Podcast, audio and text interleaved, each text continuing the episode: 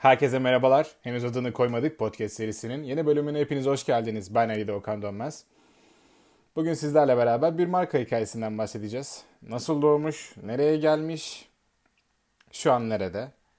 Bir film önerim olacak. Arkasından da dönem dönem dinlemekten keyif aldığım bir parçayı sizlerle paylaşacağım. Hiç vakit kaybetmeyelim. Siz beni burada durdurun, kahvenizi alın ve başlayalım. Bu arada geçen haftadan söz e, e, verdiğim e, yemek hikayesiyle ilgili onu biz bir önümüzdeki haftaya atalım. Ben önümüzdeki hafta çalışmaları yaptıktan sonra yemeği sizlerle paylaşacağıma inanıyorum. O yüzden şimdi durmadan başlayalım.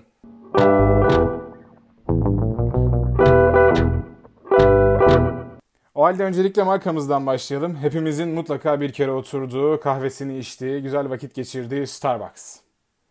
Peki kimdir bu Starbucks? Starbucks Pike Place Market, Seattle'da 1971 yılında bir gazeteci, bir tarih öğretmeni ve bir edebiyat öğretmeni üç genç tarafından kurulan bir şirket. Adını ise Moby Dick romanındaki Kaptan Ahap'ın yardımcısı olan sağduyulu ve yardımsever, aynı zamanda kahve düşkünü Starbucks'tan alıyor ki sağduyu ve yardımseverlik şu anda günümüzdeki Starbucks'ın politikası gibi bir şey. Amneminde bulunan kadın figürü Siren kızını temsil ediyor. E, Siren kızı mitolojik olarak iki farklı anlam ifade ediyor. Bir tanesi kaybolan denizcilere yol göstermesi ki muhtemelen Starbucks bunu tercih edecektir. Ama ikincisi de aynı zamanda e, yolda e, denizde yolunu kaybetmiş denizcileri kendisine çekerek yiyen Siren kızları.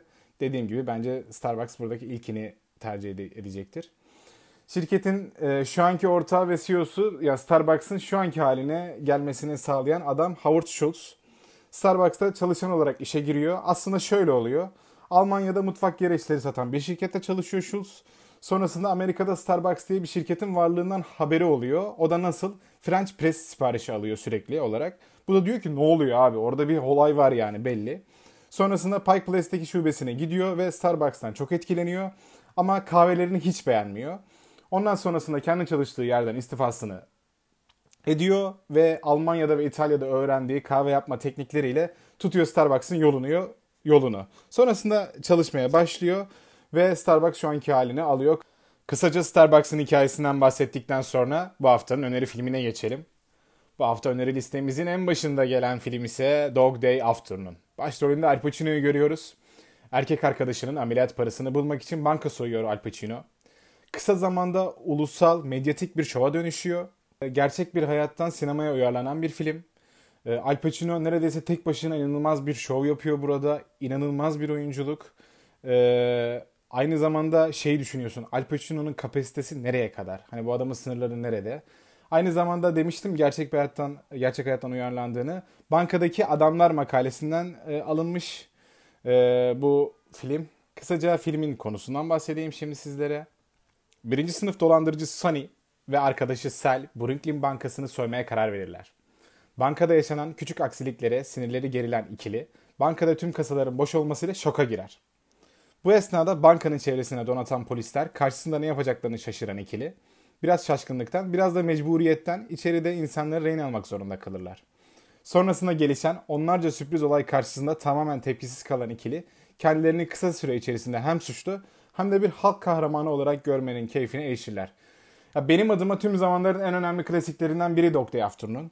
Kesinlikle izlenilmesi hatta birkaç kere izlenilmesi hatta şöyle bir kere filmi bir kere Al Pacino'yu izlenilmesi gereken bir film diye düşünüyorum. Şimdiden keyfini çıkartmanızı öneriyorum. Mısır patlatmayı unutmayın. Gelelim benim dinlemekten keyif aldığım, sizin de muhtemelen dinlemekten keyif aldığınız parçamıza. Parçamızın adı Ederlezi. Balkanlardaki Çingene azınlığın popüler halk şarkısı kendileri bahar döneminin gelişini anlatan heyecanlı, coşku dolu bir şarkı. Ama coşku dolu bir şarkıdan beklenilmeyecek derecede aynı zamanda içinde tuhaf bir hüzün var, barındırıyor. Ben, beni öyle hissediyorum en azından. Ben e, şarkıyla Emir Kusturika sayesinde tanıştım Çingeneler Zamanı filminden. Orada da Goran Bragovic tarafından okanılan Ederlezi benim en sevdiğim Ederlezi. Az sonra e, alt tarafa ya da yan tarafa şarkının kendisini bırakacağım. Benim için bir kere dinlerseniz daha sonrasında herhangi bir platformdan sevinirim.